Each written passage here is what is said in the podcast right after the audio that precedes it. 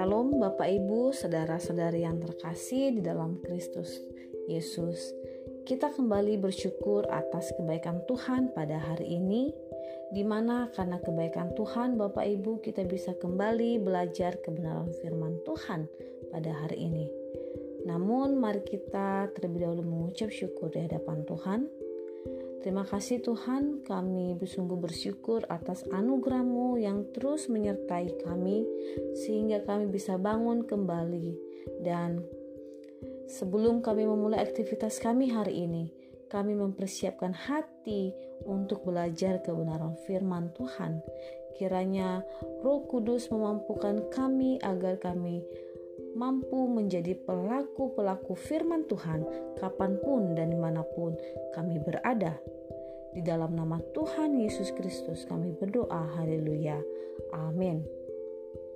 Nah Bapak Ibu, Saudara-saudari yang terkasih, pada hari ini kita akan belajar dari Mazmur pasal yang ke-16, yakni Mazmur Daud. Siapakah yang tidak mengenal Daud?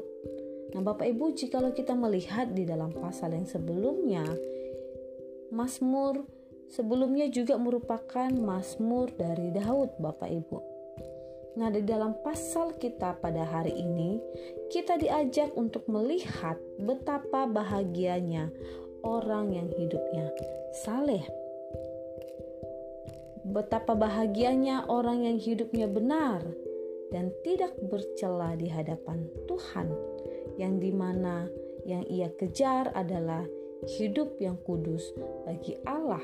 Dan di dalam ayat-ayat firman Tuhan ini berkata Bapak Ibu di dalam ayat yang pertama firman Tuhan berkata jagalah aku ya Allah sebab padamu aku berlindung.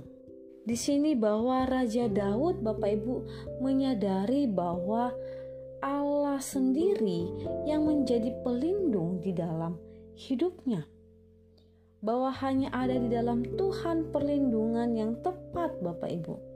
Allah Immanuel akan terus menyertai jika kita hidup dekat dengan Allah. Seperti firman Tuhan berkata di dalam 1 Petrus pasal 3 ayat yang ke-12 berkata, Sebab mata Tuhan tertuju kepada orang-orang benar dan telinganya kepada permohonan mereka yang minta tolong tetapi wajah Tuhan menentang orang-orang yang berbuat jahat. Dan di dalam ayat yang kedua, dalam pasal yang ke-16 ini Bapak Ibu dikatakan bahwa aku berkata kepada Tuhan, Engkaulah Tuhanku. Tidak ada yang baik bagiku selain Engkau. Nah, Bapak Ibu, Raja Daud juga menyadari bahwa hanya di dalam Tuhan segala yang baik itu ada hal-hal yang baik hanya akan menjadi miliknya orang yang saleh hidupnya, Bapak Ibu.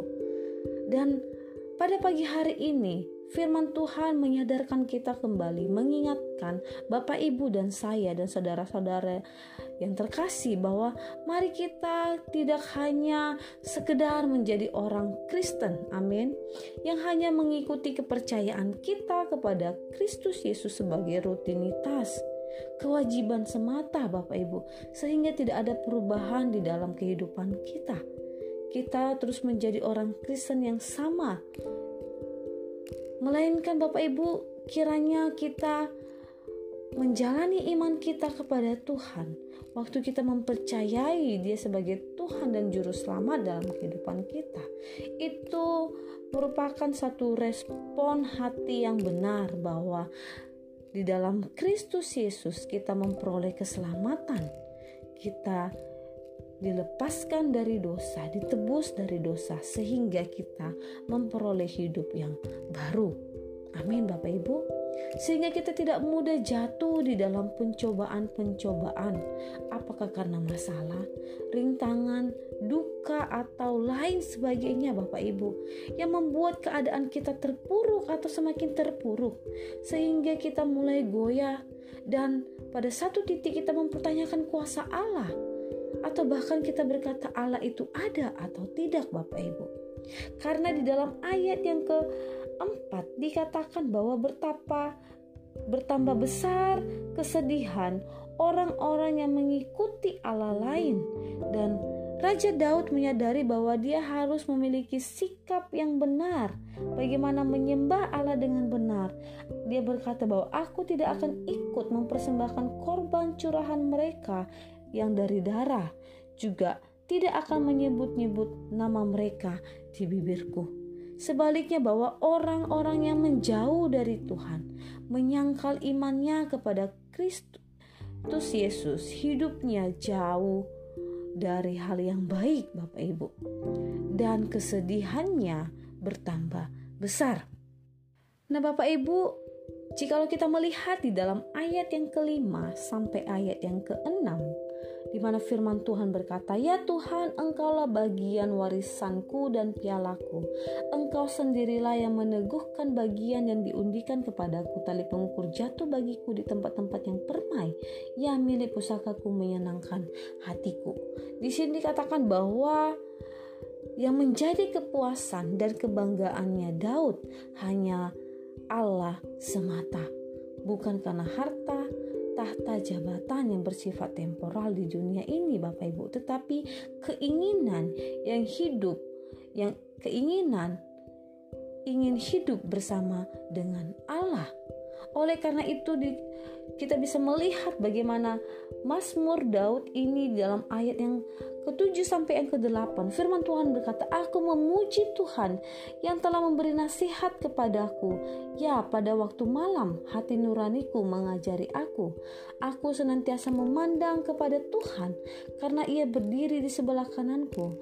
Aku tidak goyah Nah, di sini dikatakan bahwa Daud memiliki kerinduan yang amat sangat dalam untuk hidup di dalam tuntunan Allah.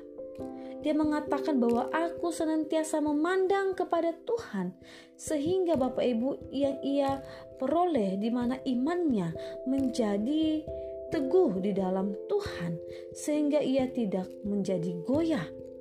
Orang yang hidupnya dekat dengan Allah adalah mereka yang sungguh-sungguh mempercayai Tuhan, sehingga ia memperoleh sukacita, ketentraman, atau kenyamanan Sekalipun ada badai, ada topan yang menerpa kehidupannya, ia tetap aman, tetap damai walaupun badai datang. Pergumulan datang, kesulitan ekonomi datang, masalah sakit penyakit datang karena Allah sendiri Bapak Ibu. Allah berdiri di sebelah kanannya yang memberikan dia perlindungan dan pertolongan. Nah, Bapak Ibu, kiranya firman Tuhan pada pagi hari ini akan menjadi peneguhan bagi kita agar kita terus berbahagia menjadi orang benar. Kita terus teguh di dalam iman kita kepada Tuhan. Waktu kita berada di dalam situasi yang sulit, mari kita seperti Raja Daud yang senantiasa memandang kepada Allah memandang kepada Allah dan sehingga waktu hatinya, pikirannya, hidupnya tertuju sepenuhnya secara total kepada Tuhan, di situlah Bapak Ibu, ia memiliki hati yang terus teguh di dalam Tuhan. Ada sukacita, ada damai sejahtera, sekalipun ada kesulitan yang datang, Bapak Ibu, karena kita tidak bisa memungkiri bahwa kita tidak pernah terlepas dari persoalan, kita tidak pernah terlepas dari masalah. Nah, Bapak Ibu, tetapi yang menjadi masalahnya di sini adalah apakah kita mengalihkan pandangan kita kepada hal yang lain, kita berbalik kepada Tuhan, atau kita terus memandang kepada Allah yang penuh kuasa, Allah yang sanggup memampukan kita untuk melewati setiap situasi yang sulit yang kita hadapi, sehingga kita mengatakan, "Benar, bahwa Allah adalah Allah yang ajaib. Ia adalah Allah yang perkasa. Waktu kita terus percaya kepada Tuhan, di situlah kuasa Allah dinyatakan di dalam kehidupan kita, Bapak Ibu. Oleh karena itu, kiranya di dalam ayat yang ke-11 dia mengatakan bahwa engkau memberitahukan kepadaku jalan kehidupan. Di hadapanmu ada sukacita berlimpah-limpah, di tangan kananmu ada nikmat senantiasa.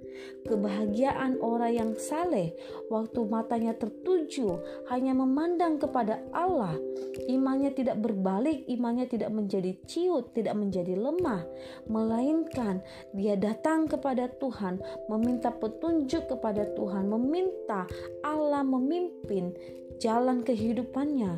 Di saat itulah kita akan melihat bahwa ada sukacita yang berlimpah-limpah di dalam Tuhan karena Tuhan akan menolong kita, akan menyatakan kuasanya dalam kehidupan kita. Dan di dalam tangan kanan Allah ada nikmat senantiasa, ada sukacita berkat Allah akan terus menyertai kita. Jikalau kita terus mempercayai Tuhan dengan hidup yang benar di hadapan Tuhan. Kita mau terus berjuang menjadi orang-orang yang tidak bercela, menyenangkan hati Tuhan, bukan menyenangkan dunia, bukan mau menyenangkan orang, melainkan kita menjadi pribadi-pribadi yang menyenangkan hati Tuhan. Dan kiranya kebenaran firman Tuhan pada hari ini Bapak Ibu, Roh Kudus memeteraikannya dalam kehidupan kita dan di mana pun kita berada, kita mau berdiri di atas kebenaran firman Allah.